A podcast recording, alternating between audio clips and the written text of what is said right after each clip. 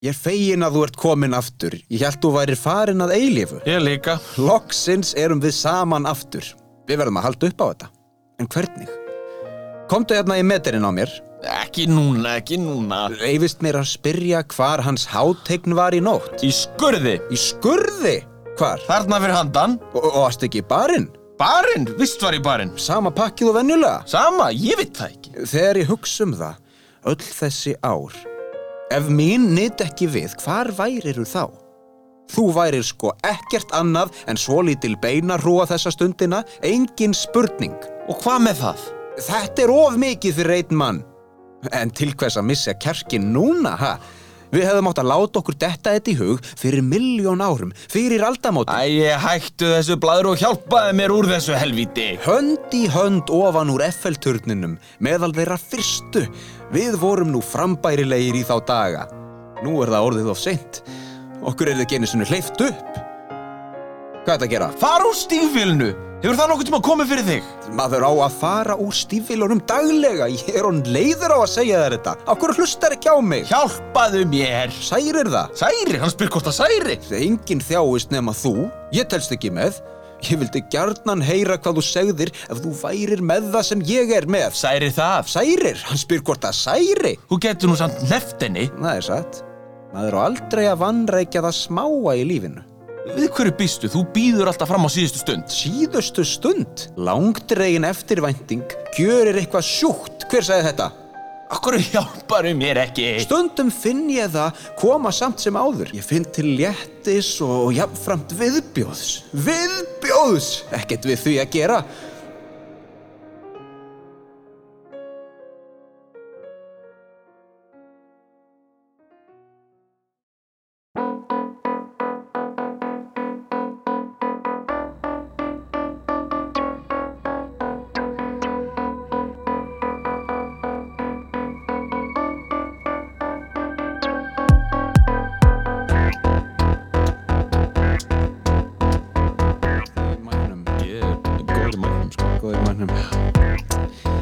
Góð fólk verið velkomin í uh, Yet Another, annan þátt af, uh, herðu, hvað er hann að opna sér?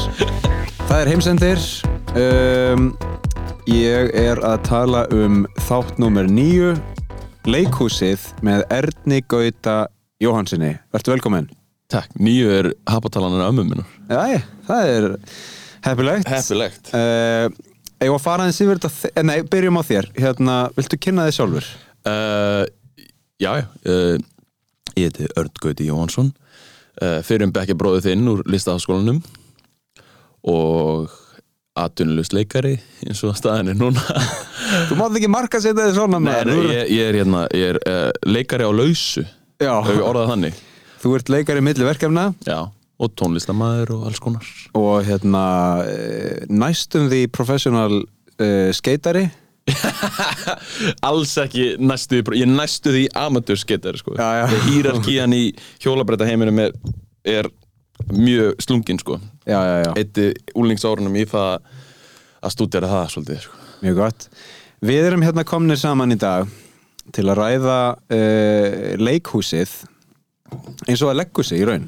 Já, Og kannski sko að reyna að tengja saman uh, þetta konsept með heimsendi annars vegar og leikhúsið hins vegar. já.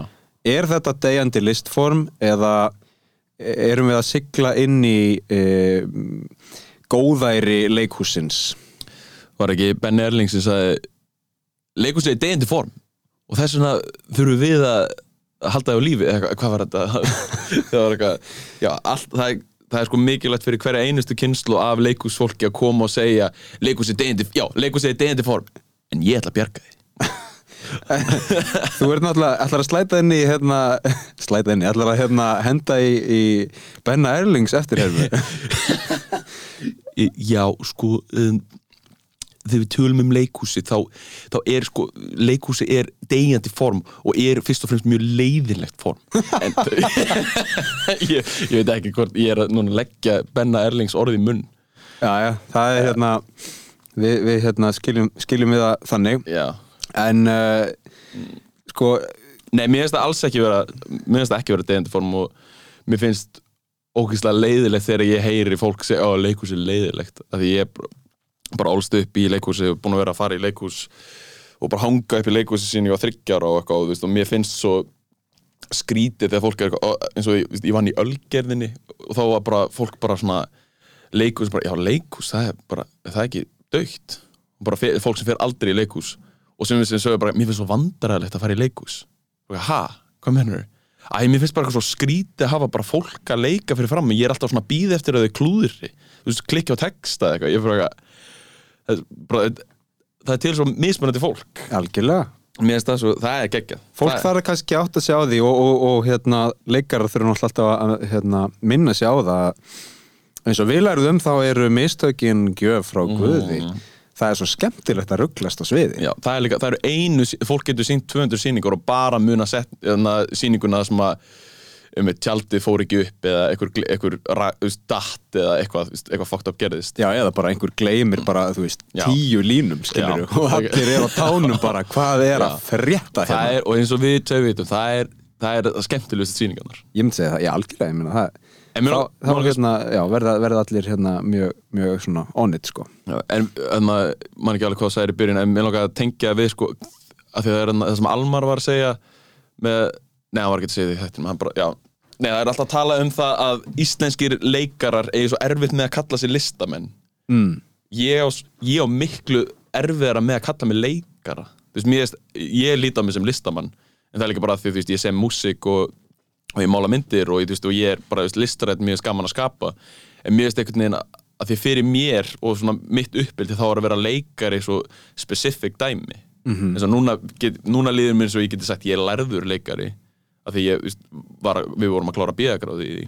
Að því að þú ert það. Já, veist, að, því ég, að því ég fór í leiklistarnáma á háskólastíði Mhm. en eins og núna, mér finnst ég, mér finnst mjög ég á stundum erfitt með að kalla mig leikara frekar en, frekar en listamann sko. Já, ég meina, og það er náttúrulega er alltaf að breytast skilgreiningin á þessu. Um, Við lærum það að, hérna, að leikari getur verið margt annað en manneska sem stendur á sviði, skilur Já, já, já, Þú veist, það er bara, og ég held að, að það verði að vera það. Mm Nú við erum já, og það er kannski þetta hefðbundna form. En leikari er, sko, leikari dagsins í dag er náttúrulega, er náttúrulega listamæður sem er að hérna, vinna í miklu fleiri og fjölbreyttari verkefnum svona öllu jafna Mhm. heldur en að standa á, á sviði. Já. Þannig að það er, hérna, það er jákvætt að það sé meira í bóði þó að það sé náttúrulega mjög skemmtilegt að standa á sviði. Já, heldur betur. En það er einmitt hérna, svona hluti ástæðanar fyrir því að, að, að þú ert mættur hingað því þú ert með mjög sterka tengingu við leikhúsið og, og ert búin að hérna, verja síðustu 22 árum Já, í leikhúsinu. Það er röglega að segja uh, áttur ha- láta fólk halda þessi 22 nei þú ert ekki 25 Ég er 26 26, já, þú ert búin að verja 20 hérna, þre, árum í leikhúsinu. Mm -hmm. uh, þú byrjar- þú byrjar fyrsta, þryggja ski, fyrsta skiptið á Kartumumabæinn 90 og eitthvað. Já, já, já. hvernig var það? Ég man það ekki.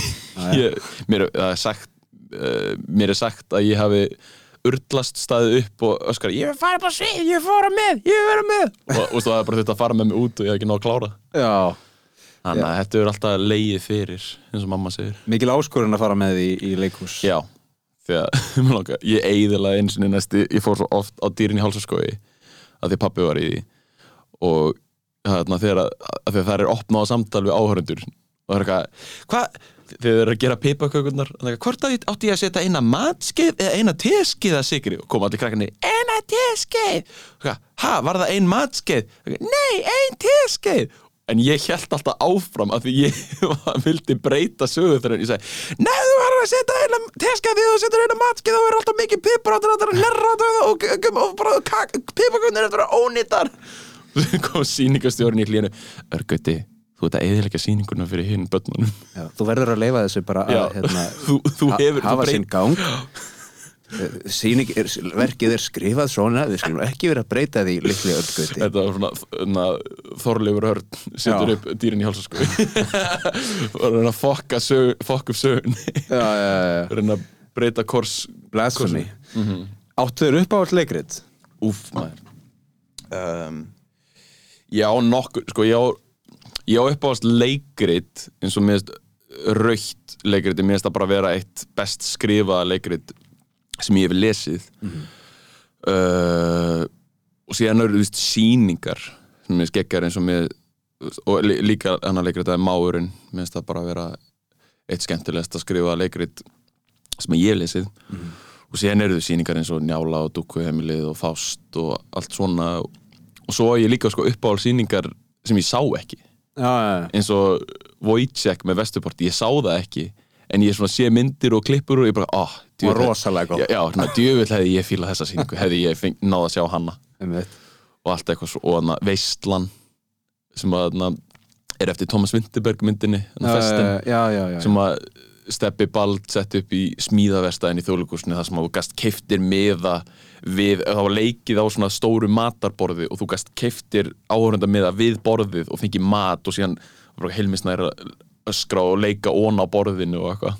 Um, mjög intense. Og ég bara, ég með fekk sko ég, var, ég fekk COVID um daginn og þá kom sýsti pappa minns var að uh, reyns úr dánarbú ömmu minnar. Já, svo herri ég með hennar nokkra gamla leikskrár. Ég bara já gekk hún kom með og var eitthvað að redda mér eitthvað COVID-dóti. Hún kom með þrjá stút fulla póka af leikskrám bara frá þú veist bara elstu voru sko frá 50 og eitthvað. Mhm. það sem að stóð bara leikskrá, það stóð ekkert leikritið á utan á. Og þannig ég var bara eitthvað einn, sem heima með COVID að fara í gegnum gamlar leikskrár já. bara í bara sko geggjum feeling. Það er næstu bara við símaskrána. Já, en við erum að tala um sko leikrit hérna, sem við svona könnumst við og, og hvað er upp á leikritið þitt? uh, uh, uh, uh. Sko eða síning? já, síning, ég ætla bara að segja Fást í hérna London sko Ú. af því að ég eld hana út þú veist, með Vesturport samt? ég, já, já, já, ok, með veist- ok, ok Ég, ég misti af síningunni heima Mhm. fór út til London með hérna, fríðu föruneyti ég held að við verið sko 17, 17 ára 16-17 ára flugum til London ég, þú veist, mamma skildur eitthvað? já, ég, ég skildi fullt, sko mamma guttir að þetta bara er þið hérna Það er að fara í menningaferðina til London. Megum við fara, við erum fjóri saman hérna, megum við fara í svona viku til London? Er ekki skóli? Jú, það er skóli. Eh, við ætlum að hérna, við ætlum bara að sleppa honum í viku og fara út til London og sjá hérna Fást já, gera svo vel, gera það bara. Til er ánæg með maður. Frábært sko. Og hérna það var alveg hérna rosalega eftirminnileg ferð. Við hérna hittum e, fólkið sko, við hittum Já, kastið já, já. og hérna áttum góðar stundir með þeim og, og svona. Já. e, þannig að það, ég verð að segja að það sé svona besta skiluruslas eftirminnilegasta sýningin sko. Mhm. en það er hérna, ég held að sé áhvert sko fyrir hinn almenna hlustanda þú veist, fyrir, fyrir fólk sem er kannski ekki alið upp í leikhúsi að hlusta á okkur tala um þetta og hlusta líka á okkur tala um sko Fokkleðilegt Já, þú, nei, bara að lesa leikrit, skilur við Já. Bara hérna, það er svo mikið commitment. Sko, sumir segja að fólk lesa ekki bæ bækur þú veist, Já. Hvað þá leikrit? Mm um, en, en, en það er alveg þeng að setjast niður og lesa leikrit. Eins og Gummi Brynjúl segir að hlusta á bók og lesa bók, þetta er allt annað sport. Það er allt annars var ég, Já, ég er mynd, ég er búin að lesa svolítið að leikritum núna. Og það er, svo- ég, mér finnst auðveldar að lesa leikrit heldur en að lesa bók til þess og mér finnst stund, af því að það er sko, það er hægt að lesa leikrit, það er hægt að hlusta á leikrit vera lesið og síðan er hægt að horfa á leikrit vera flutt og mér, þetta er sko líka mjög fyndið að sko lesa leikrit sem ég hef séð. Og þá einmitt, veist, er eitthvað svona ég var að rópa Red Bull rópið maður. Já, og við bara, nei, en aðna kliftið út nei, að lesa leikrit sem þú hefur til dæmis séð er mjög það er mjög spes tilfinning. Eftir á. Já, svona eftir á. Og, svona, og líka lesa bók sem þú hefur lesið, eh, séð leikrit af eitthvað.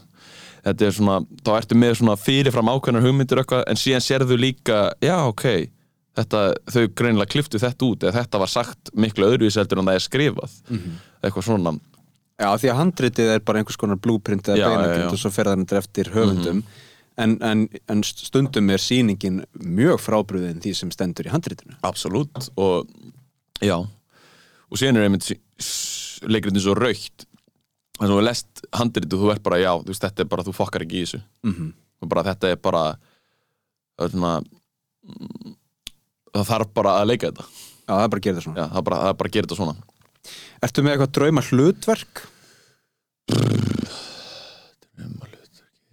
ég veit það ekki maður. Ég er meira svona með drauma verk svona sem með, ég var til að taka þátt í. Já, eins og ég var ekki til í að vera aðstofamæðurinn í raukt. Mm á móti Mark Rothko. Uh, ég var ógslag til að leika í máinum.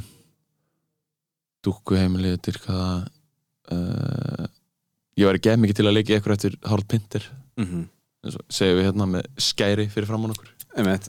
Fræ, fræga leikriti hann sem byrjar á. Ég mynd, hver er skærin? Það þekkja það allir að þekka það allir. Það þekkja það það allir. sem þekkja mig. Já, já, já, það er kannski meira Það er Þetta, meira ég, þannig. Daginn, Ördgöti heiti ég, hefur þessi heimkomuna. Já, hefur þessi skæri minn. Hvað er skærin? Nei mm, Það var eitthvað sem sagði upp mitt rauma hlutverk eða mitt næsta hlutverk. Já, það er fyrir það er, það er alltaf gaman.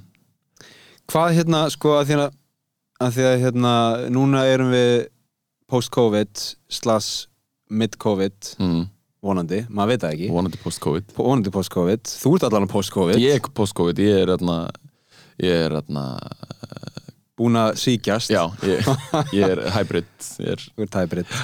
Um, ég er mutant, ég er mutant. Þú ert mutant.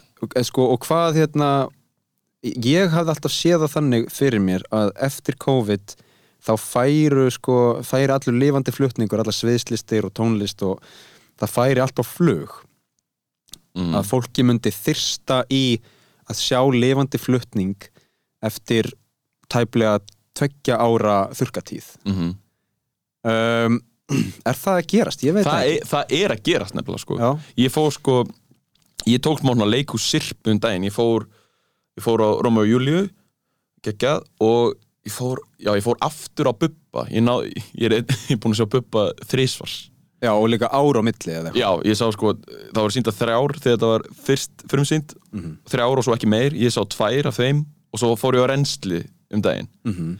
og ég fór síðan á Róma og Júliu og ég var alltaf að sjá sama fólki á öllum þessum sýningum. Mhm. og sem að bara, ég sá bara fólk sem var bara, og líka bara á Instagram bara, fólk var bara í marathóni að fara í því að það er bara, það er ekkert búið að vera frétta.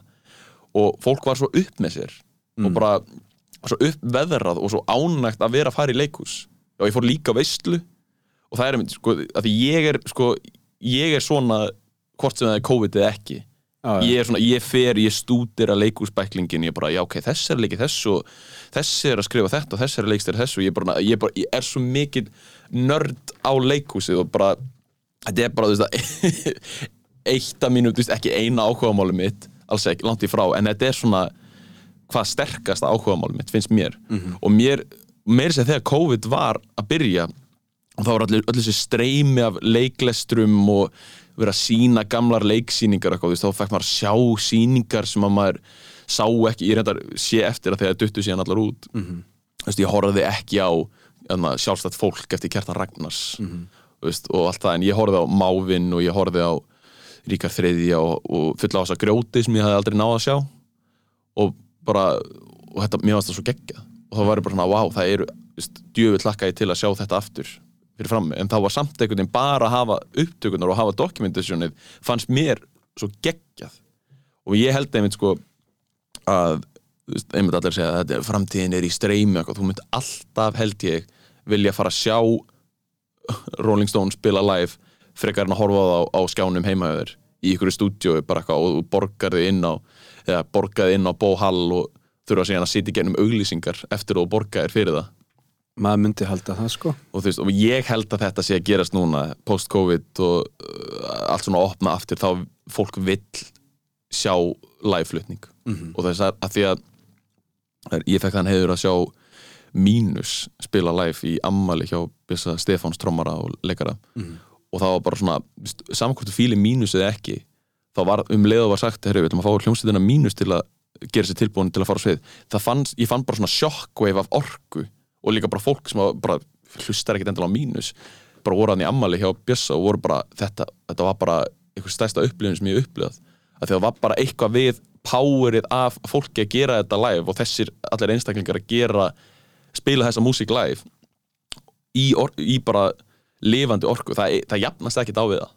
Nei, ég, ég held að það er sjálfur rétt hjá þér og þú veist það er bæði þessi orka sem maður finnur fyrir á staðinum hvort sem það er tónlist eða leikus eða hvers konar lifandi flutningur líka bara sko staðrindin að vera einhvern veginn komin saman, skilur vera búin að keira á staðin, taka stræt og hjóla, labba í whatever, skilur Mhm. bara vera einhvern veginn búin að sapna sér saman samkoma, þú veist Mhm. post samkomu bann taka eina góða samkomu og hérna vera saman í upplöfuninni Já, eiga sömu upplifun og 500 aðri manns.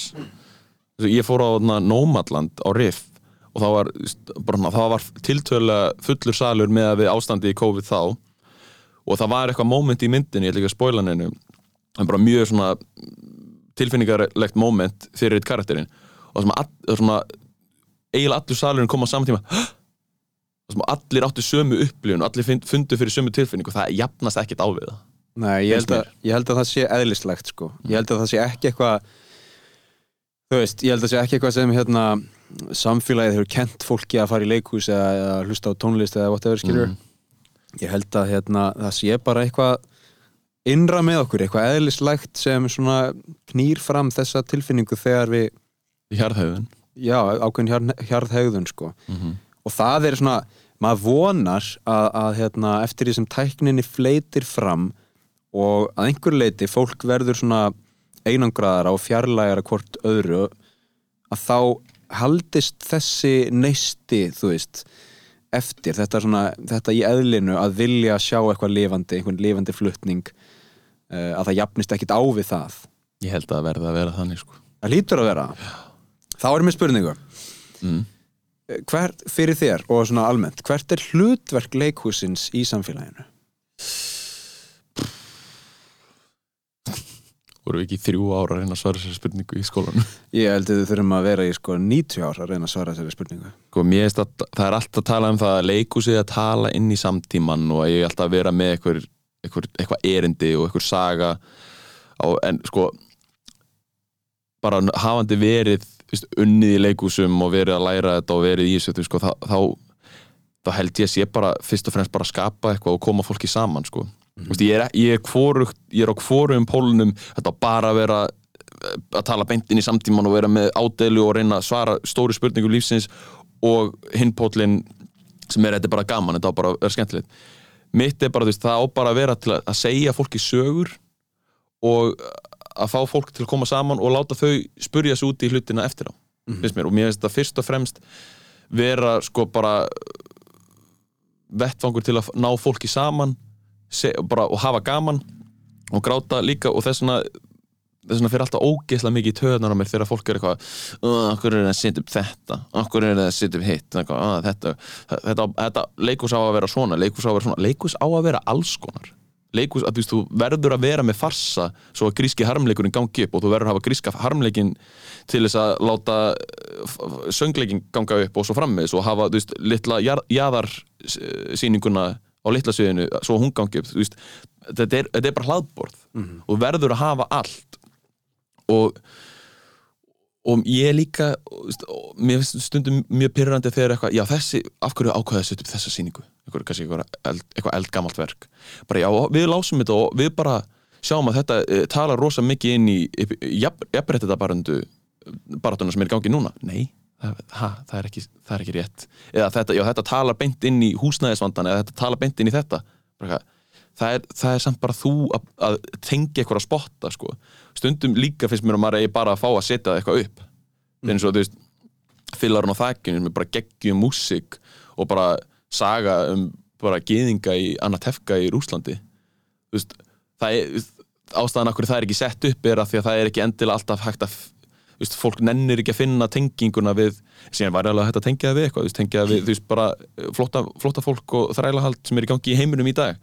En stund, eins og ég held að það hafi verið Raggi Kjartans myndlistamæður og, og leikusmæður sem að myndi var spurður eitthvað "Eh, ert þú að tengja þetta inn í samtíma? Bara, ég nenni ekkert að tengja listina mín inn í samtíma mér langar bara að gera hana. Þú veist eitthvað þannig. Já, og svo getur fólk bara tengt eins og það vill. Já, og það er, það er, með mál, það er málið, fólk á að þú átt ekki að tróða skilabóðunum á, á áhöröndan Nei, nei. Og bara allir eiga að fá að hafa sína skoðun. Þú hefur þína skoðun og þú hefur þína ástæði til að gera eitthvað. En að vera eitthvað neginn svona já, hlutur leikusins og það er ekki spurningin Jó, já, það er svona ingangurinn sko, ingangspunkturinn eða útgangspunkturinn já, mér finnst það bara fyrst og fremst bara að segja sögur, koma fólki saman og bara bara, bara vera rannsækandi, vera skapandi og gera það sem að þér finnst cool. Og, veist, og hafa ástæði fyrir því. Ég held að það sé mjög góður punktur sko, að, hérna, að, að vera bara leitandi þú Mhm. veist, og, og einmitt, ekki einskorða sig við eitthvað hérna, eitthvað resultet skiluru bara hérna það, það er margt sem kemur upp úr pjúra rannsókn líka. Mér finnst áhugavert sko að þú segir að leikhúsið verða að vera alls konar þú veist og verða hérna eh, hver og einn verða að finna eitthvað við sitt hæfi kannski. Mm. og það er stöðug þróun af því að það er náttúrulega er ekki það er kannski ekki fullkomlega þannig akkurat núna. Ég menna það er hérna það er alveg svona frekar niður njörfuð demografía skiluru, það er svona frekar skýr hópur af leikhús uh, fólki eða áhörundum Mm. sem er svona, eru kannski svona helsti fjöldin, skiluru Já, það helsti fjöldin sem að ef við bara förum í bara tölfræði þá eru sko stærsti hluti af leik, eh, miða kaupenda í leikhús á Íslandi það eru uh, 70% af miðakaupum á Íslandi eru sko miðaldra konur. Já, já, það er bara statistik. Mikil stöðningur í þeim hópi. Já, en, en, og, og það er gott að blessa og það er mjög gott sko, en hérna síðan alltaf einmitt þau eru að reyna að að höfða meira til ungs fólks í Róma og Júliu sem er, er eilíkt verkefni og það er einhvern veginn alltaf verið að gera það. Það er alltaf hvernig við komum við unga fólkinu í leikhúsið? Og það er, mér finnst það líka að vera mikilvægt maður á að, að reyna að smita börn sem fyrst sko. Já, ég held að það sé alveg mjög mikilvægt sko. uh, Svo er líka, þú veist Svo er líka hópar eins og fólk sem talar ekki íslensku skilur, Já. sem býr á Íslandi síðan er verið, það er líka núna að vera það er förmkula starfi í gangi með þarna pólís hópnum, Algjörlega það sem hefur verið, verið með sýningur á pólsku og borgarleikus er búið að líka vera með textaðar sýningar, mm mér finnst þetta allt það, þarf að, það þarf að rannsaka alla þessa kima sko. Mhm. uh, reyna, reyna að mæta sem flestum og breyðustum hópi af fólki og það er bara, þú veist, það er bara rannsókn í sjálfu sér sko. Mhm. það er ekkit eitthvað hérna endilega hægt að setja eitthvað, eitthvað svona tíma deadline á það. Ég held að það þurfi bara að vera svolítið opið og, og fólk verða að fá tækifæri til að prófa sem er stundum erfitt, þú veist, af því að þú ert með þú ert að reyna að reyka fyrirtæki. Mm Það er Já, það er, það er náttúrulega líka það sko, einmitt. Ég fyrir það, sko, náttúrulega þjóðleikúsið er miklu minna peninga háð heldur en borgarleikúsið af því að þjóðleikúsið er ríkistofnun og það, það fær bara sömu sömu á hverju ári. Á meðan borgarleikúsið þarf að skaffa svo ógeðslega mikið eigi fjö sem fyrirtæki, þau fá þú veist, styrk frá borginni en þú veist, borgarleikúsið getur ekki tekið sjens á stóra sviðinu. Þú veist, og sérstaklega ekki núna. En bara, þú veist, ég er mér bara, veist, bara magnað hvað leikúsin eru búin að vera dugleg í þessu ástandi með að við, bara að því að þetta er sko vonlist ástand. Meina, fannst, við, við fundum fyrir því í skólanum okkar hvernig það var að bara vera þar og vera að reyna að gera list. Já, þetta er mjög erfitt og hérna þetta er svona þetta er eiginlega einn af erfiðustu brönsunum til að vera í, í, í þessum hérna, heimsfaraldri. Við vinnum í samkvæmum. Já, já, algjörlega, þú veist, það er bara Samkomum. sa samkomi bannið, það er leggst hart Mhm. þungt á, á okkar starfsemi. En, en það er gaman að fá þannig pressu líka og reyna að leita einhverja lausna og, og meina, það, þá koma þessi stafrænu miðlar inn, þú veist, er þetta að gera eitthvað vídeo eins og þú segir, streyma þessu. Þó að það sé bara einhver svona tímabunni lausn og svo kannski þyrstir fólki að mæta eftir í leikhúsi, vonandi er það staðan sem er uppi akkurat núna. Þannig að við erum kannski búin að dansa svolítið í kringum þessa spurningu og, og, og reyna svarinni hvort að leikhúsi sé að deyja. Ég held sko að það er, það er alltaf þetta er alltaf sagt leikur sér deyjandi form. Veist, og, og það er bara, það er bara svo mikið mér finnst það svo mikið kjaftaði að það kemur, veist, jú, jú, það leikus deyri niður í vinsaldum og, en síðan kemur alltaf einn sýning. Síðan kemur önnur sýning og ég meina, þetta er búið að vera í gangi síðan Ford Grikkir. Bara þegar fólk var bara í ampateaterinu, bara teatróninu bara með grímur og að fara með gríska harmleiki. Er, og það er ennþá fólk að mæti í leikus og ennþá fólk með grímur. En þá, já, segðu. Ég, ég held að þú ég held að þú getur ekki dreipið þetta sko, mér finnst þetta vera eitthvað sem að tónlist vera aðstæða listformi, mér finnst leikhúsi vera aðstæða listformi segi ég hérna, stór orð af því að þú getur gert allt í, þú getur, af því að núna er líka línan, þú veist, þegar að þú veist þíska leikhúsi er meira að koma til Ísland þú veist, með njálu og Rómi og Júli og allir þessu dóti, þú veist. Það sem var, bara, ok, beti, er ég að horfa á leikrit eða er ég að horfa á sýningu, er ég að horfa á myndlist eða eitthvað, þú veist, og þá, þú veist, af því að leikhúsi tekur allt saman. Mm -hmm. tekur allt heim saman, tekur sögu, eh, frásagnaformið Jesus er- frásagnaformið myndlistina, tónlistina og, allt, og, og skrifin og allt þetta dæmi inn í.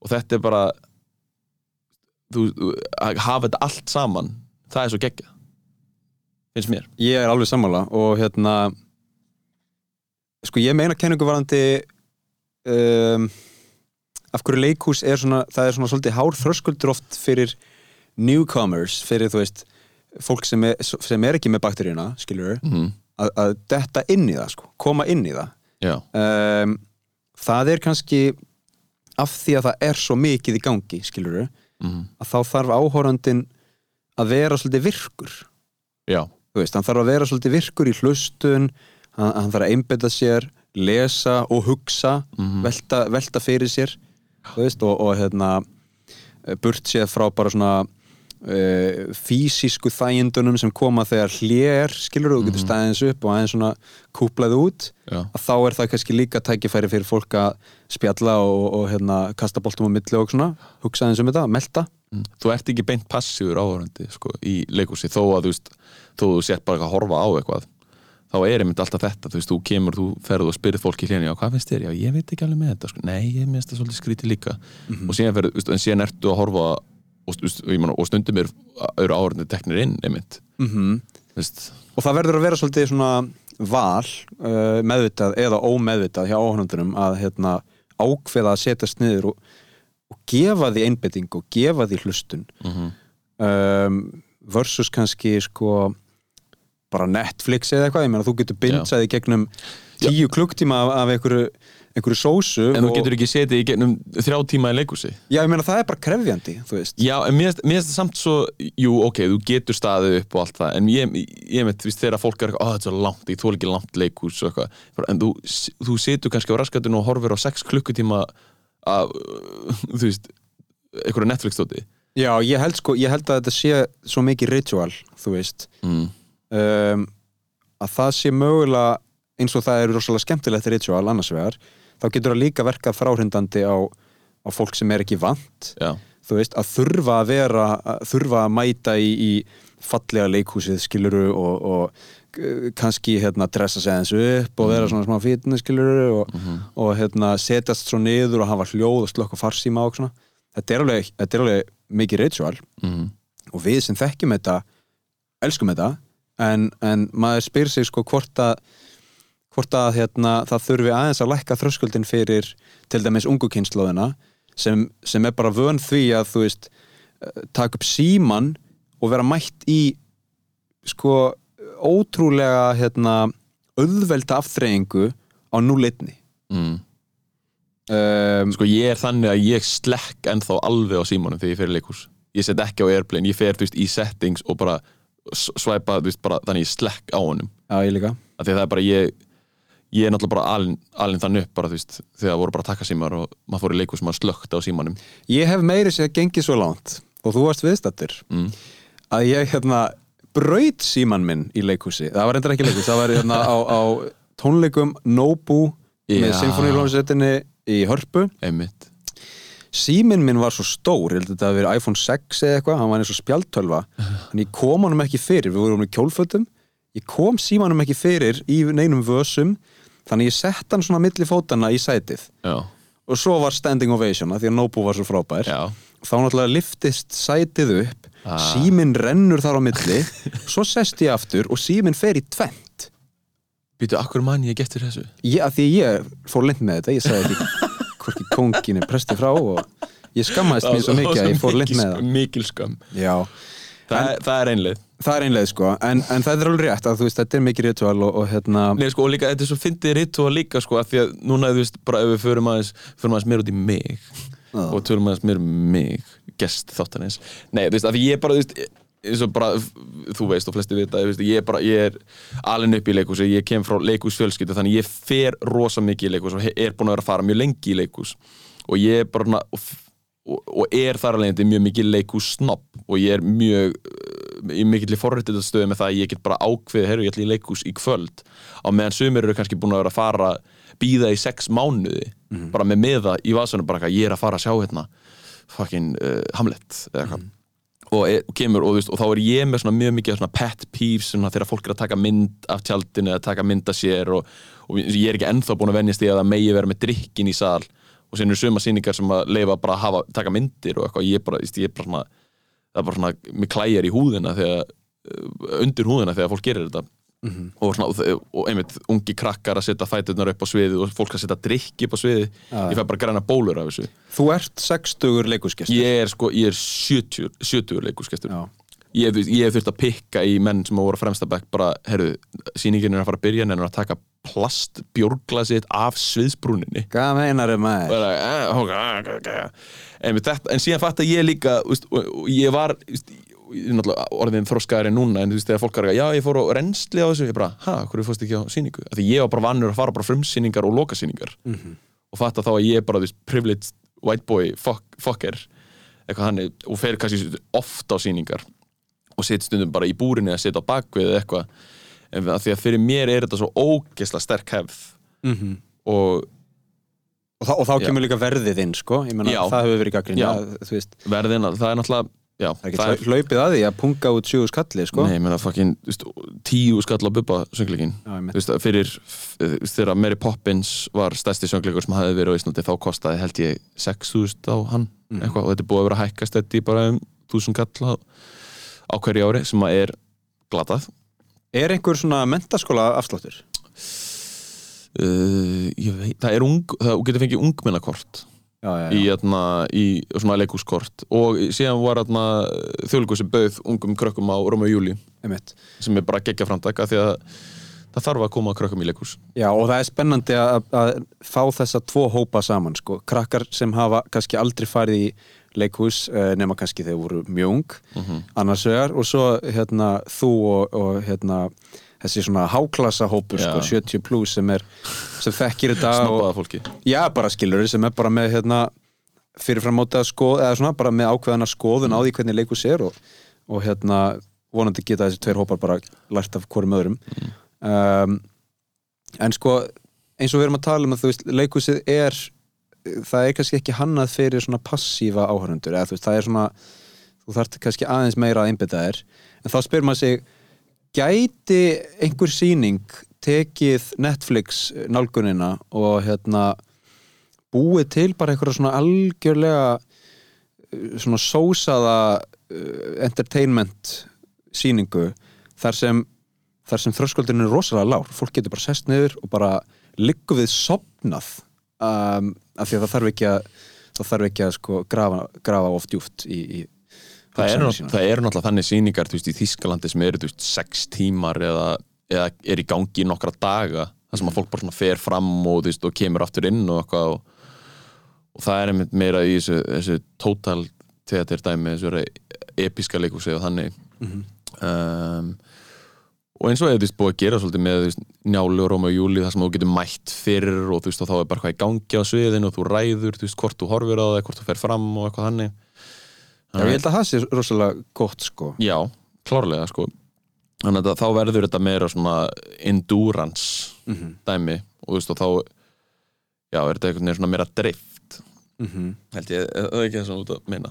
Svona að dreifa tímanum og sögunni Jú, annars vegar það eða líka bara, þú veist, að gera bara klukkutíma sýningu sem er bara einhver veistla skilur og er bara svona þú veist, mikill hlátur og, og hérna, þess vegna fýblagangur og hérna, og fólk bara upplifir góða afþreyingu sem kannski skilur ekkert mikið eftir sig en þú veist Ég meina það, en það er til dæmis svo veistla í Já. borgarleikusni, það er náttúrulega bara svona review sýning og þú veist og það er sem að voru mjög vinsalar í gamla daga, þú veist, á Íslandi bara svona spöggstofu gæðinir kom og voru bara með sketsa sýningu Mhm. og þú veist, það er klárlega form sem að mér finnst mætti koma meira inn það sem er bara, þú veist, þetta er ekki farsi þetta er ekki grínleikar, þetta er bara sketsar Mhm. og þú veist og sem er bara í stu, og mér finnst líka mætti taka upp einþáttunga kvöld sem að er bara svona, því að það það er fullt af góðum einþátt uh, leikritin sem er bara einn ein þáttur Mhm. bara ekkert líða og bara, bara einn sögurþráður og bara, svona bara, bara A til B. Mhm. og mér það mjög áhugavert að mig líka. Og líka rannsaka þetta með tíman sko. Mm Uh, þú veist það er kannski 6, 7, 8 slottið er svolítið hérna vinstælt Já, eins og amma mín sem er 85 ára hún er alveg bara að deyja fyrir því að komi matinee sýningar Martinei það sem að er bara dagsýningar Já, algjörlega. Bara hérna ferði einn brönds og beint Og í leikus Já, því fyrir, þú veist, fólk á þessum aldri það er erfitt að vera að fara klukkan 8 og vera komin heim, þú veist, um 12 Algjörlega, já, ég tala ekki um það að sýningin er lengur sko. og síðan, um, líka eins og er í Breitlandi það sem er, þú veist, tveir partar af einu leikriti, það sem er bara þú fer á part 1 áfæsti af bara englar í Ameríku, leikritinu og síðan ferðu á lögadaginn á part 2 Já, það er mjög gott. Gefa þið smá, smá hérna, pásu til að melta. Mér langar að spyrja þig, er þarna hvað er eitthvað svona, þú veist eitthvað svona leikhúsmoment sem að þú mannst ógesla vel eftir? Uh, Þegar stórt er spurt sko. Um, Ég veit það ekki. Ég hérna ég man eftir því að hafa farið oft sko sem barn. Um, ég man aðeins eftir bláa hnettinum. Já, já, gamla í þjóðleikusinu já, Já, gamla, já, algjörlega sko. Bara hérna af því að ég blessunlega fekk það, það uppeldi að svona, þú veist, var heppin með það að geta, eða vera dregin í leikhús Já. sem barn, sko, Mhm. og hérna upplifa sýningar þar og ég man ég man líka eftir Pétri Pan ekkert já með, með frikka já, ég man ekki sko, ég man ekki eitthvað svona sérstök atriði en ég man aðeins svona sviðið og, og lýsingin og litirnir og bara Mhm. svona stemmingin. Og síðan líka var það náttúrulega alltaf sínt í barnatímanum. Já, Það var alltaf þarna Langar því að lifta þér á kring Það kom alltaf á milli þátta í barnatímanum. Ég sko, já, það er líka fyndið að spurja það því að sko ég man ímislegt ég man ekki, eða, þú veist, ég man ekki sýningar sko down to a line, skilur eins og ég. Eins og þú. Þú get, getur hérna þulið upp heilu senundar sko. Ég er heima að æfa með að vita engin já, já, já, já. Nei, en eins og, nei, ég á samt líka svona, ég á nokkur svona moment og, það, og þetta er það sem ég er svo geggja við leikhúsið. Ég get, þú veist, verið, hafa verið krakki og ég man ógeðslega vel einhverja senu úr leikriti en ég man ekkert hvaða sýninga var. Mm. eins og ég er með, það er eitthvað barnasýning og ég er ennþá, bara, ef ykkur er að hlusta og veit hvað ég er að tala um, bara endilega bara tell me, uh, segðu mér það er, þetta var Ilmur Kristjáns var í þessu með minnir að Bergur Þór Ingólfsson hefur líka verið í þessu og Ilmur Kristjáns kapnar á hnetum að þjónum með hnetu á honum, þetta var barnasýning sko. Mm. og, og þetta var ógeðslega sorglegt atrið og maður alveg bara alveg bara kristi hjarta á manni og ég man ekki hvað sýning þetta er og með þetta óþólandi og svo var ég um daginn, ég var að lesa uh, Þetta er alltaf koma eftir Hallgrim Helga og ég, það var gert að leikriti, vissulega. Balti leikstýri því hérna fyrir mörgum árum. Og ég var eitthvað svona, allt í var ég að lesa bókina. Og þá var verið að tala um einhvern kvennakór sem að söng alltaf nakin. Og ég var bara, býttu nú við. Þá var ég með minningu af stóra sviði þjóðlíkusins og fullt af nögtum konum í svona nútsút reyndar. Og ég var bara, af því ég hefði spurt mömmu fór ég á þessa sýningu? Bara, Nei, þú verður verið ungur. Og ég fór bara, ég var ekki svona atrið í þessari sýningu, jú.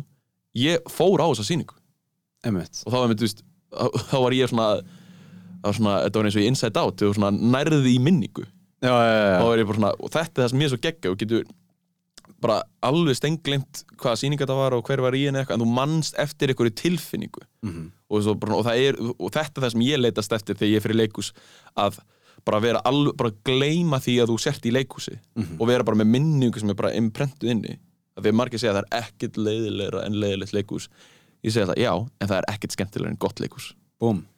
og ég, ég með frekar horfa á leiðilegt leikús heldur en góð, eh, ágæta bíómynd. Það er annað dýr.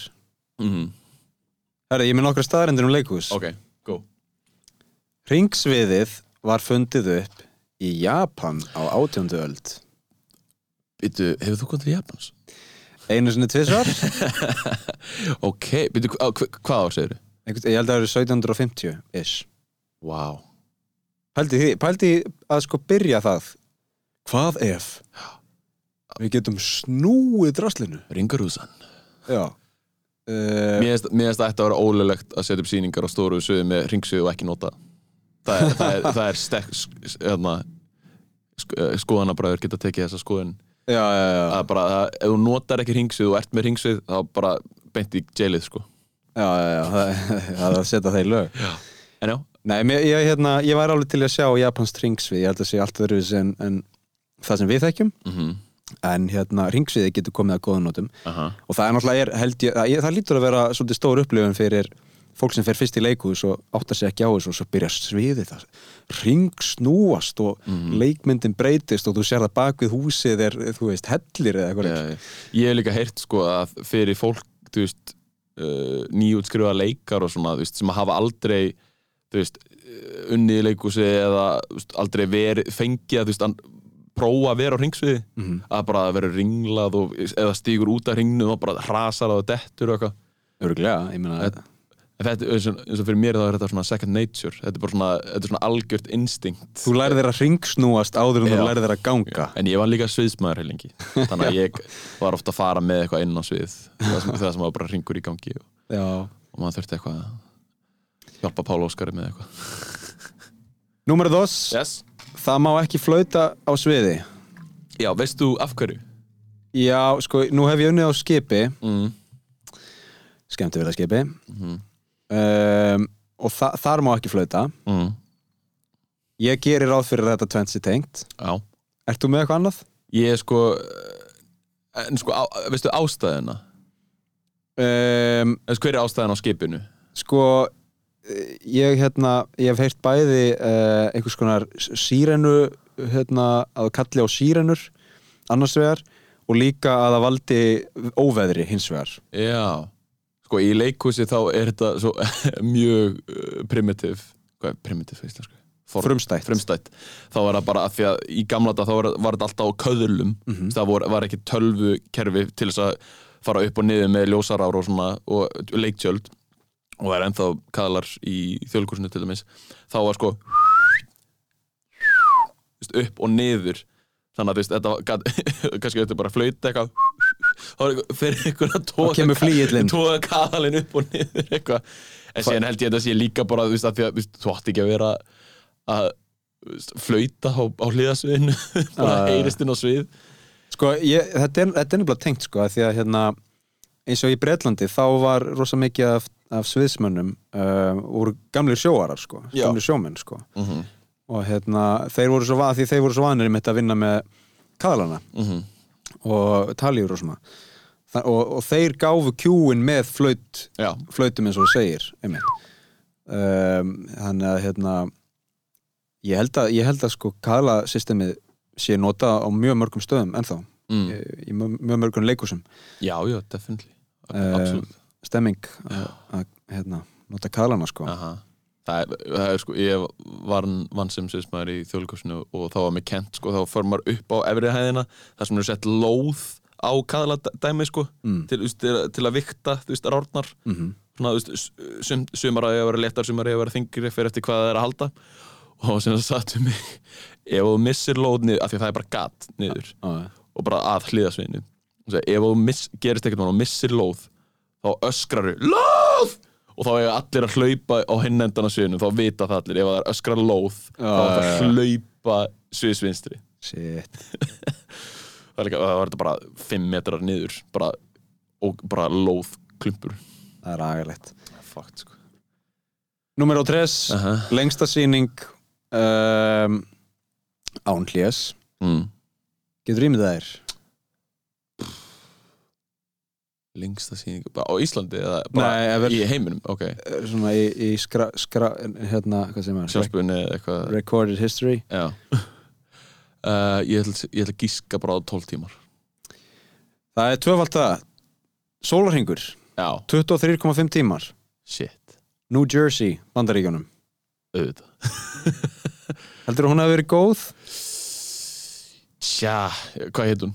Ég veit það ekki maður. Ég veit það ekki, maður, maður hefur heyrt af svona einhverjum sýningum sem eru í einhverjum svona vöruhúsum og eru bara svona endurance eitthvað, já, bara þú veist, þú lappar á mill svona oft svona stöðvabeist. Já. Ég, sko, ég myndi alveg halda að þú veist, ef, ef, ef, ef að hérna, áhrendur mega hérna, stökkva inn og út skiluru mm þá gæti það alveg verið mjög áhugavert að, að sjá og líka mjög áhugavert fyrir leikarana og flytjandan sko, að, Mhm. að hérna mér, hvað, hvað gerist eftir 20 tíma? Já, þú veist, hvað er, hvað ertu stattur þá? Þá það- annarkvort ertu örmagna og, og kemur engu í verk eða það er bara allt opið og það bara flæðir upp úr þér einhver hérna, upplöfun einhver uppljómun sko. Ég, ég, ég segi að, að, þegar við tölum um að þegar fólk segja að ég meg ekki langt leikus mm.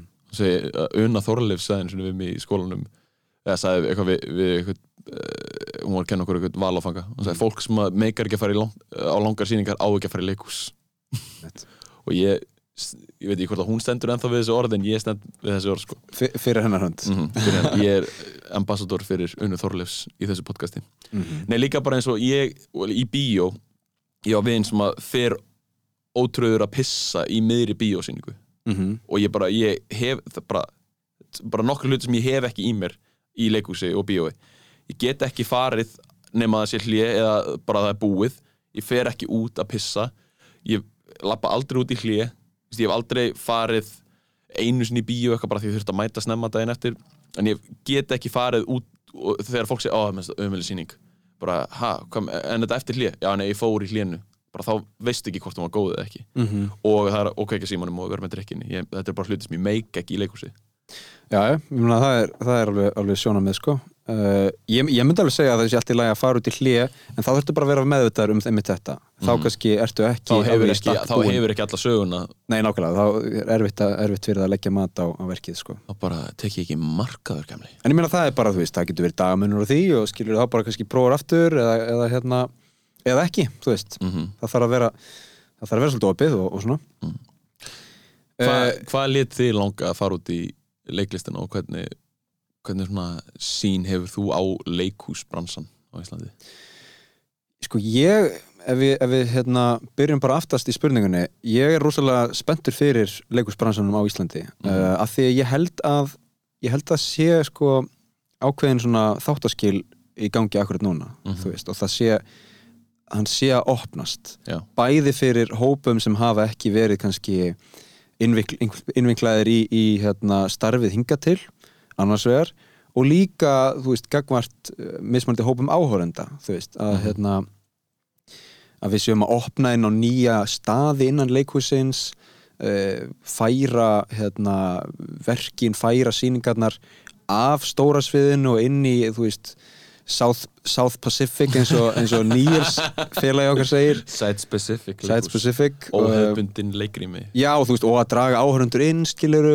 og, Aha. og hérna bara svona, ég vona að rannsóknin hérna haldi áfram og, og verði enn stærri og Já. líka að það komi fleiri lítil rými, mm þú veist þar sem, þar sem hægt er að gera rannsóknir, -hmm. fremja rannsóknir uh, án þess að uh, það þurfi sko sex mánað undirbúningsvinnu, skilur Já, og eitthvað mega styrk Já, einhver mega styrk, skilur bara, þú veist, ákkur er ekki eitthvað eða það kannski er, ég veit það Það ekki er hann að tómar í mig út í skjörufrið Algjörlega, ég meina það er, það er kannski það er búið að vera tvisvar til hérna kvöld og, og hérna, Mhm. það er bara briljant og svo vonar maður að það verði bara fast, skilur Mhm. kannski tvisvar í mánuði eða þú veist, Mhm. fastir tímar einu sinni í viku, alltaf til hérna kvöld eitthvað í þróun Mhm. um, ég vona að það verði gróska í þessu post-covid ástandi að hérna, og ég meina besta útkoman væri náttúrulega leikhúsin uh, hefðu svona tvíelfst við þetta erfiða ástand Mhm. og, og, og eins og maður uh, vonar, já, að, að þau sé að koma tilbaka bara með krafti, sko Ég held að sé þannig og mér finnst líka svo fyndið þegar fólk segir oft, uh, oft svona fólk, íslenskir listnemar sem að er, hafa kannski farið í skiptinámi eða farið eitthvað og, og núna ég er taldur raskatur mín að því ég hef aldrei gert neitt eitthvað mikið fyrir utan Ísland og ekkert eitthvað séð mikið leikus í útlöndum Mhm. uh, lært um það reyndar. En það var svona, að Íslensk leikus er svo eftir á. Íslensk leikus er svo frumstætt og þetta er, að, þetta er orðið miklu betra í Pólandi þetta er orðið miklu betri í Litáin, þetta er orðið miklu betra hann ég er bara, ég er bara ekki sammálaði mm. það sem að mér finnst Íslensk leikus hafa, það er að uh, bara ég fór einn svona að googla, veist, núna er ég ekki að tala ekki á mótið fólkspunum, mér finnst það bara geggja dæmi, bara, veist, þetta episka þískaleikus mm að- sem ég myndi segja þessi skrítið mér finnst það það er bara það er bara ákveðið bræð, bara ákveðin litur. En ef þú googla bara fólkspunni þá eru þú veist, þá er alltaf svona mjög svona svipuð fagurfræði þar. Og, þú veist, og, og, einmitt, og, og, og alveg eins og það er á Spáni og í veist, það er oft bara svona svipuð svipaður stíll yfir öll en það, mér, það sem að mér finnst vera þú veist, á Íslandi þú áttu með því bat, núna með batnasýningum kjarval, með einhverja revíusýningu og síðan ertu með Rómi og Júliu í þessu fólkspunni brjálæði gegn, bara snild og svo kemur þú veist bara eh, drama og raukt og máurinn og allt þetta tótt sko, sem og sko ofti er finnst mér svo, einmitt svona með svona austur-evróska listamenn og svona, svona trúart fólk sem er alltaf svona að leita að einhverjum sannleik og eitthvað að þau eru oft bara dottin í bara sama fasan aftur og aftur. Og það er alltaf einhvern veginn, ok, við ætlum að taka þessa sögun, við ætlum alveg að hrista upp í hennu við ætlum að tólka hann á allt annan hátt og eitthvað og það sem að það sem að Ísland finnst mér hafa, það er svona ákveðin svona ákveðin hjartenging ákveðið óttaleysi í, þú veist leik stundum, stundum ekki og bara fjölbreytileiki í bara því sem er verið að setja upp. Mér finnst það alltaf vera svolítið skemmtilegt sko. Ég meina leik, leikhúsin eru færri og það er erfiðara fyrir Mhm. stórt leikhús að að einskorða sig við eina stefnu. Og það er, og það er og líka, veist, af því við erum með svo fá, le, fá leikhús og fá stór leikhús þá er alltaf bara ah, ég er komin í stóra leikhús eða veist, einhver leikstjóri sem er kannski búinn að vera á leiðinni og er komin með stóra sviðið eða bara eitthvað, ah, ég er í, ég er í borgarleikhúsinu ég er í, í þjóðleikhúsinu, ah, ég þarf að og ég ætla að fucking bara gera þetta eins fucking stórt og ég get og ég ætla bara að sprengja þetta út og bla, það, er svo, það er svo mikið hungur það er svo mikið örvvænting í íslenski listsköpun oft. Og það er líka svona, og það getur alveg verið löstur líka að því fólk er bara, að þetta er eini sensi minn og ég verða að fucking setja allt í það og eitthvað. Og, þú og það verður, verður oft bara ógæslega áhugavert að horfa á það. Já, og líka tímaraminn skilur Já. það er kannski öðruvísi núna í COVID, eða, í, já, COVID en sko fyrir COVID þá er kannski tímaraminn miklu þrengri, þú veist, það er ákveðin tími sem þú fær til að þróa síningu og setja hann á svið og svona. Á meðan leikhús erlendis og hópar erlendis geta gefið sér, þú veist tvö ár til að hérna, vinna eitthvað verk sko, og það væri enn og aftur áhugaverðir rannsókn að gera það líka. Já, ég meina þið gerðu það semi með Rómi og veist, það er sex mánuða æfingarferðli versus tvekja mánuða Já, sem, er, sem er oftast þannig. Algjörlega, þetta er búið að vera mjög langt ferli og við hvetjum alla til að kíkja á Rómi og Já, sannarlega. Sérstaklega unga fólkið. Já, All, allt ungt fólk í leikus við tilhörum ekki þeim hópi Já, lengur þetta er ekki, þetta er ekki samstarf Hashtag old. Já, já, já, já, ég er nú þremur árum eldri en þú. Já, skulum hafa það á hreinu. en, það, hérna. en hérna, ef við tengjum leikhúsið við heimsendi. Já, um, sko þú varst með okkar pælingu að það sem sko síning á sviði. Já, já, já, er ákveðin heimur. Mm Og það er heimsendir í hvert sinn sem að síning klárast og getur ímyndað þér að vera þá að sína 200 sinnum. Mm og það er náttúrulega mikil og skemmtilega áskorun uh, og mjög krefjandi geti ímyndað mér fyrir leikaran uh, og fólki sem, sem hérna, stendur að sýninguna að þú veist finna leið inn í heiminn og finna og rannsaka heiminn og finna jável eitthvað nýtt í heiminum í hvert skipti. Já, þetta er Þetta er smá eins og Groundhog Day. Mm Þetta er bara, þú veist, það er bara heimurinn byrjar og bara heimurinn er, sýningin er heimurinn og síðan klárast heimurinn og þá deyr heimurinn og þá er heimsendir. Algjörlega. Og engin sýning er eins. Nei. En er samt alltaf að segja sömu sögu eða reyna það? Já, og, og þú veist, sýningin er, er kannski með mjög skýrt markmið varandi söguna og svo eru, þú veist, 500 áhörundur í sálunum mm -hmm. Sem- Með sína eigin sögu, algjörlega. heldur betur. Það er það sem gerir þetta form spennandi. Mm og skemmtilegt og maður er svona það er rosalega erfitt að útskýra það fyrir fólki sem tengir ekki við, tengir ekki við það, sko. Já Bara þú verður bara að treysta mér þetta er algjörsnild mm en þú verður samt eiginlega að fara í leikhús í tvö ár til að fatta það, eða þú veist Já, og síðan þú veist, er eitthvað sýning sem að við sjáum sem er stút full af einhverjum leikhúsreffum Mhm. eða einhverjum, þú veist, og bara listreffum sem að við þekkjum að því við erum búin að vera að fara í leikhús sem vorum krakkar og erum búin að gangi í gennum háskólanám.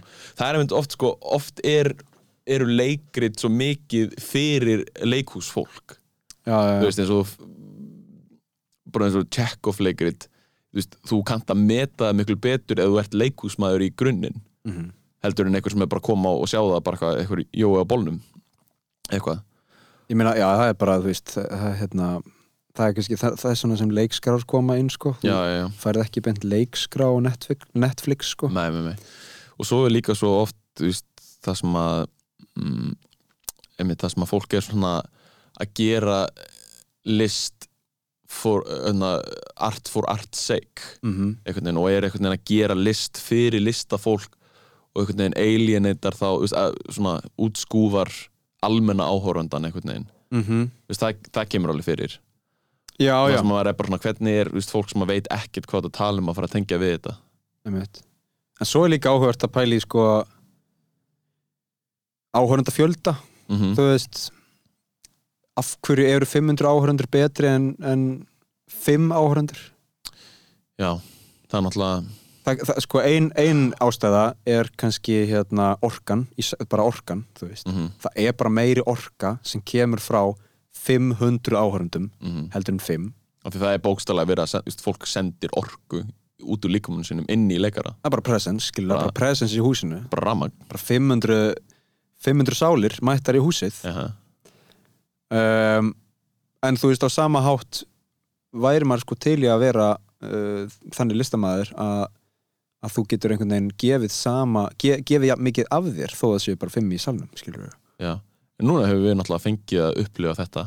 Við hefum sínt fyrir 100 manns og síðan hefur við sínt fyrir 5 manns. Heldur betur.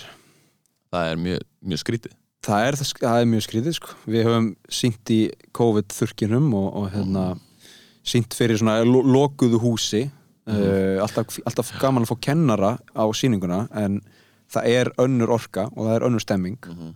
og það er áskorun og rannsókn og vonandi kom bara gott út úr því. Við hérna blessunlega gátum þó sínt uh, eiginlega alltaf á loka árin okkar í, í listaháskólanum. Meira og minna, meir og minna.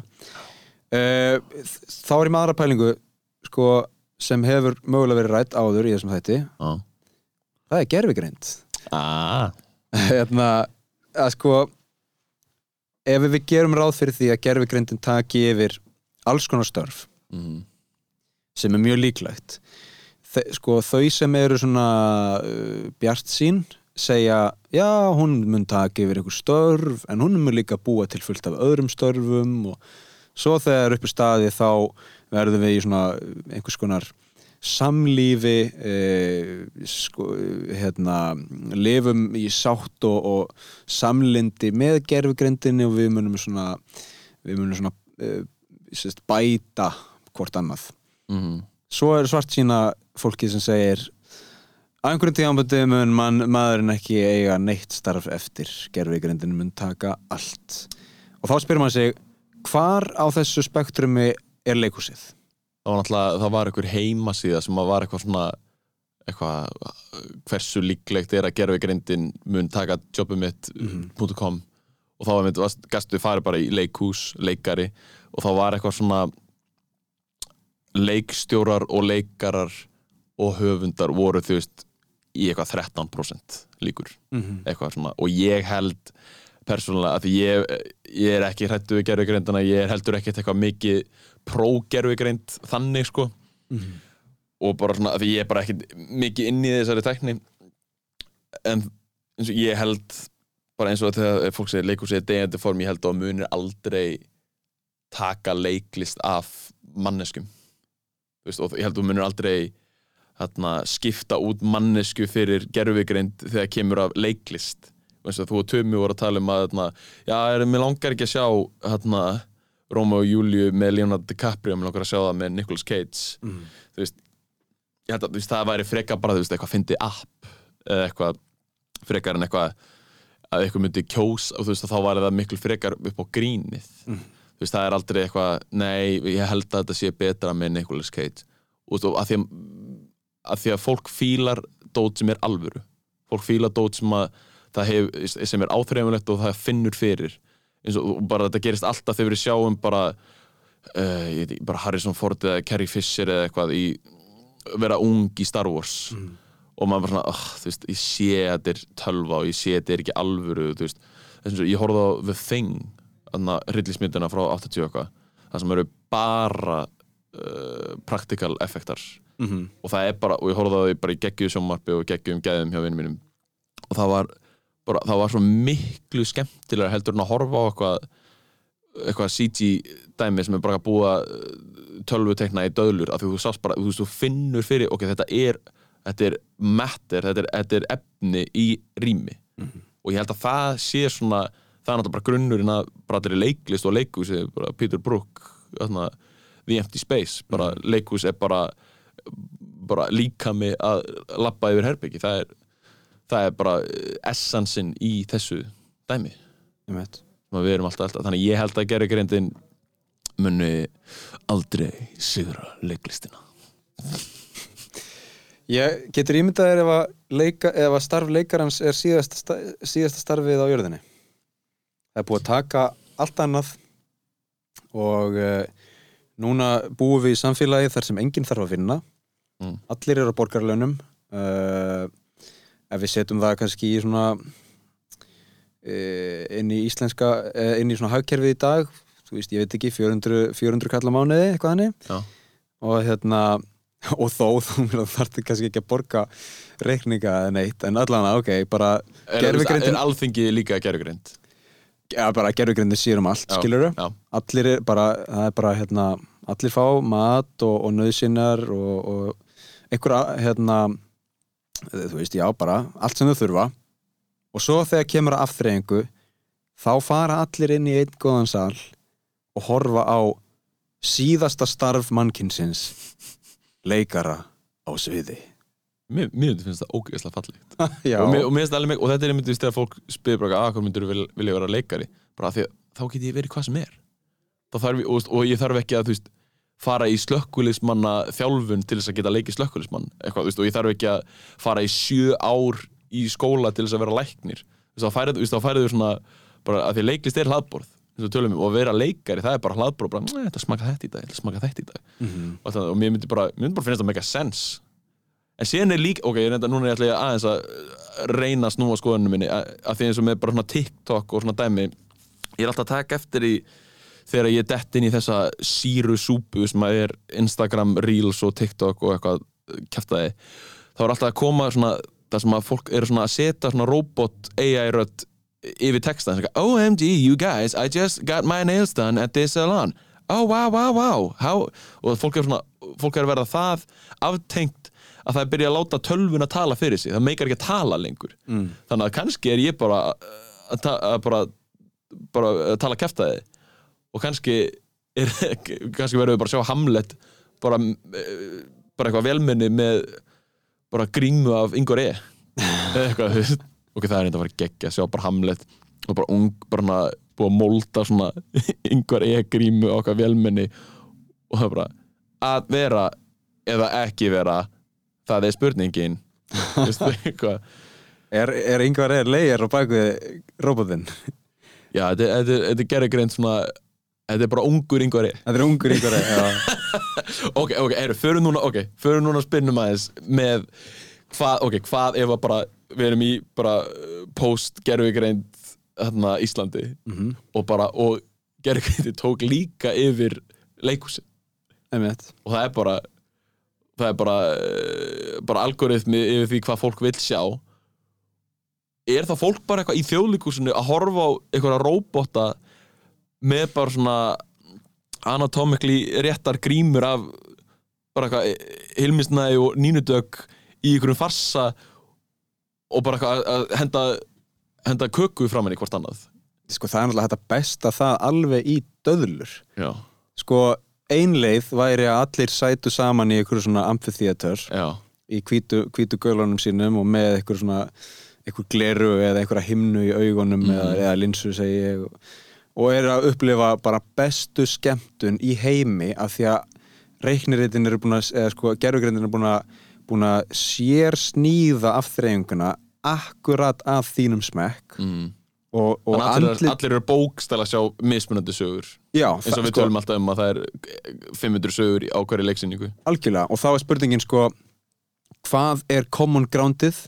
Af því að þú mundir samt held ég vilja geta hérna olbúað þú veist næsta, næsta mann skiluru og Já, hvað fannst þér um annan þátt? Uh, ertu að- eitthvað svona skiluru og þá viltu kannski hafa eitthvað sameinlegt til að þið geti tala saman af því að mm. ef að sagan er algjörlega frábriðin þá verður það mjög einangrandi geti ég myndað mér. Já, þá getur alveg slett þessu bara Já, ég meina, eða, eða slefti að mæta í Já. af, af því að þú getur bara verið inn í herbyggi bara, þú veist, leið bara í hérna leið bara í saltlausn, skilur í ykkur svona Já, já, já sensory deprivation svona, já, svona minor, minority report dæmi. skilur ég bara why not, þú veist, eða þú ert með bara eða þú ert með bestu afþreyingu mögulega sem er bara einmitt, sér hönd fyrir þig hvað annað þarftu og, og svo ég blandi þetta einhverja veistlu hérna, einhvern veistlu livja kokteil sem, sem hérna, heldur þér góðum skilur Mhm, svona dystopísk uh, útopía Já. Ég held að það væri bara ógislega að finna að sjá velminn af Hilmi bara einhverju farsa. Hver veit, Bara- kannski er kallin bara Hvað meinaru, manneska? Hver, hvað hva vilt þú?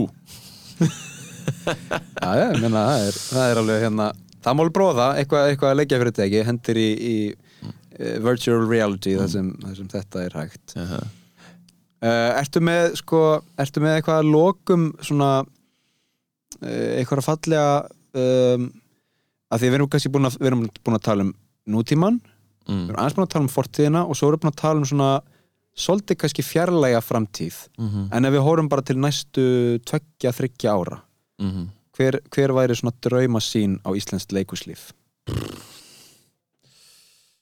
uh, Drauma sín á Íslands leikusli Það væri náttúrulega bara að COVID væri búið Mm -hmm. og að það væri enga takmarkanir og enga grímur og ekki þannig og ég var alltaf í, svona snemma í COVID þá var ég alltaf að hugsa bara vá þegar þetta verður allt búið maður þá verða allar sýningar með geða mikið að snertingu og geða mikið að, að bara einhverju úrkynju dóti og bara kartumambærin mun líti út eins og njála og eitthvað. Ég er bara svona ég vona bara þú veist að það verði bara meira að gera fyrir alla og bara þú veist að verði byrja, veist, þá vona ég að þetta byrja að vera svona eins og sýningar voru í gamla daga það sem að bara, þú, varst, þú settir upp uh, ríkar þriðja og þú varst bara með 30 leikar á sviðinu og bara, þú veist, og fólk var bara að leika bæjarfólk og eitthvað og þannig að því að það er svona orðin einhvern veginn svona tíska í þetta og þetta er alltaf bara já, er, já framtíðasín er að fucking íslenska ríki gefi meiri pening til sviðslista og kömyndagerðar Mm -hmm. af því að bara, þetta er endalaust dæmi og alltaf bara þetta er ekki nóg og það er ekki nóg, að nóg peningur fyrir alla og mér finnst það orðið svo leiðilegt dæmi og mér bara, að því að hvað var það, fólk greip í afþreyingu, fólk var að tjúna inn á YouTube að horfa á gamla leikhúsýningar, af því að bara komst ekki í leikhús allt þetta. Og að við förum bara að sjá stærri og flottari sýningar heldur en og bara við förum bara og sprengjum skalan alveg ógeðslega mikið, því að núna er einhvern veginn svona lenska og setur upp Shakespeare verk eða eitthvað það sem að eru fullt af karakterum og þú svona bara nýtur bara fólki sem er á samning. Og bara svona, sem er alveg á, teik líka, en þú veist, það verður ákveðin það er bara ákveðin brota á heiminum og er ákveðið dæmi bara, að, ok, þessi er að leika þrjá karaktera og þá er það bara þannig, en það er líka mér er svo áhugavert alltaf bara svona eitthvað sem kemur bara inn í eina sinn Mhm. eitthvað svona, og þú ert bara með og síðast þegar við sjá, sáum þetta var þetta í njálu þegar kom bara heilt kallakórin á sviðið Mhm. og, veist, og það er ógeðst áhugavert og bara, bara veist, og þess vegna finnst mér svo gaman að sjá, bara nokkra sýningar sem ég er búin að sjá nýlega sem er svo geggjar eins og nasinningarnir vertu úlfur og allt svona það sem að þetta eru leikúsfólk að setja upp sýningar. Þú veist, Unnur Ösp og, Ben Erlings þetta eru bæði leikúsböld, bara eins og ég bara ólist upp í leikúsinu og vita allt sem er hægt þekka öll, alla króka og kema og vita allt sem er oftast ekki gert. Og bara, okkur er þetta, mér finnst þetta svo cool. Og okkur er þetta ekki notað í þessari sýningu? Okkur er þetta ekki og, og ég mani þegar ég var í einhverju barnasýningu ég bara, okkur gerðu ekki þetta eins og ég gerir í Chicago? Og þá var allir, nei, ég ætla að gera þetta eins og ég vil gera þetta. En þú veist, en þú sér, þú veist, verður úlfur og það er bara einn leikar á sviðinu og allt sviðið er nýtt og all, öll tæknin sem er í bóði er nýtt. Og ge- gerur næsendingan og það bara eh, er leikið bara í salnum. Og svo þetta í Róma og Júlía sem er bara verið að nota allt rýmið og vera að sprengja skalan bara ógeðslega mikið. Og bara svona og, já, framtíðasýni mín er bara að taka tappan úr potential, hvað er potential íslensku? Bara, Möguleikar. mö, að, bara að, tap, að taka tappan úr möguleika tunnunni sem að er Íslands leikhús. Að því mér finnst Íslands leikhús vera geggjað. Og þú veist, meiri segja þegar það er ekki það gott þá finnst mér að geggjað. Og bara tappa úr þessari tunnu og bara, bara fá flóðbylgju af möguleikum bara til þess að stækka hennan heim. Og bara, bara hei, hey, höfum 50 parkastarljós í bakgrunnum. Látum 70 aukaleikar að koma á sviðið. Veist, för, byrjum síningar út í sal. Byrjum, þú veist lá, leinum því að þessi leikari er í síningunni til þess að hann komi sem sem eitthvað sem hann kemur óvart. Mm -hmm. veist, og, og bara notum all, eins og ég, ég, þegar ég var sviðsmaður í þjóðlíkusinu og voru endalust verið að nota hlera í gólfinu mm -hmm. og bara, það var einn síning sem var bara, það voru bara fimm hlerar í gólfinu, ég bara, þetta er geggja eða bara, þú veist, það er þetta að koma upp úr sveina þetta koma úr loftinu og bara, bara eins, og, eins og þetta var svolítið þegar við vorum krakka þegar það var bara, það var bara ne, í fást, það var bara net yfir áhörundum eða í óþeiluða sem var bara plastað yfir áhörundur og, og bara fokka þess í þessu. Bara hrista þess í þessu. og þannig færðu fólk í leikus þannig færðu ungt fólk og gammalt fólk í leikus og er það þess að fokka í þessu og halda þessu fjölbreyttu og ekki, og ekki hlusta á mig ekki vera, og ekki hlusta á næstamenn ekki vera að finna veist, maður á alltaf að vera að leita að sannleikanum en maður á að forðast fólk sem er búið að finna. Búm Búm Ég veit að Íslenska ríkistjórnin er að hlusta, Íslenska ríkið er að hlusta Já, uh, þau hlusta alltaf á þáttinn. Þau hlusta alltaf á þáttinn. Senda þér alltaf skilabóð eftir, eftir á og fyrir líka og ég vona að hérna, þau tækja þetta til greina því að það er mjög þart að leik, leikhúsi lifi af og, og sigli ekki í heimsendi mm -hmm. Örn Gauti Jóhansson, þakka þér fyrir komuna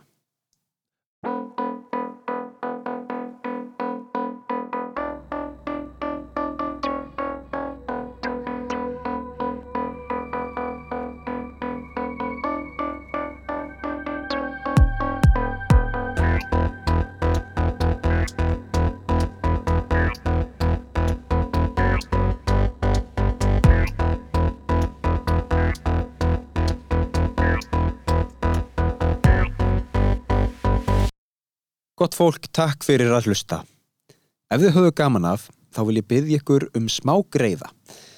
Endilega farið inn á helstu hlaðvarpsveitur, gefið þáttunum engun og skiljið ég vel eftir umsögn og svo væri mikil hjálp í því ef þið mynduð segja fólki frá heimsendi. Segið vinum ykkar fjölskyldu og, og, og öðru góðu fólki frá þáttunum til að dreifa orðinu, svo við getum fengið fleiri hlustendur.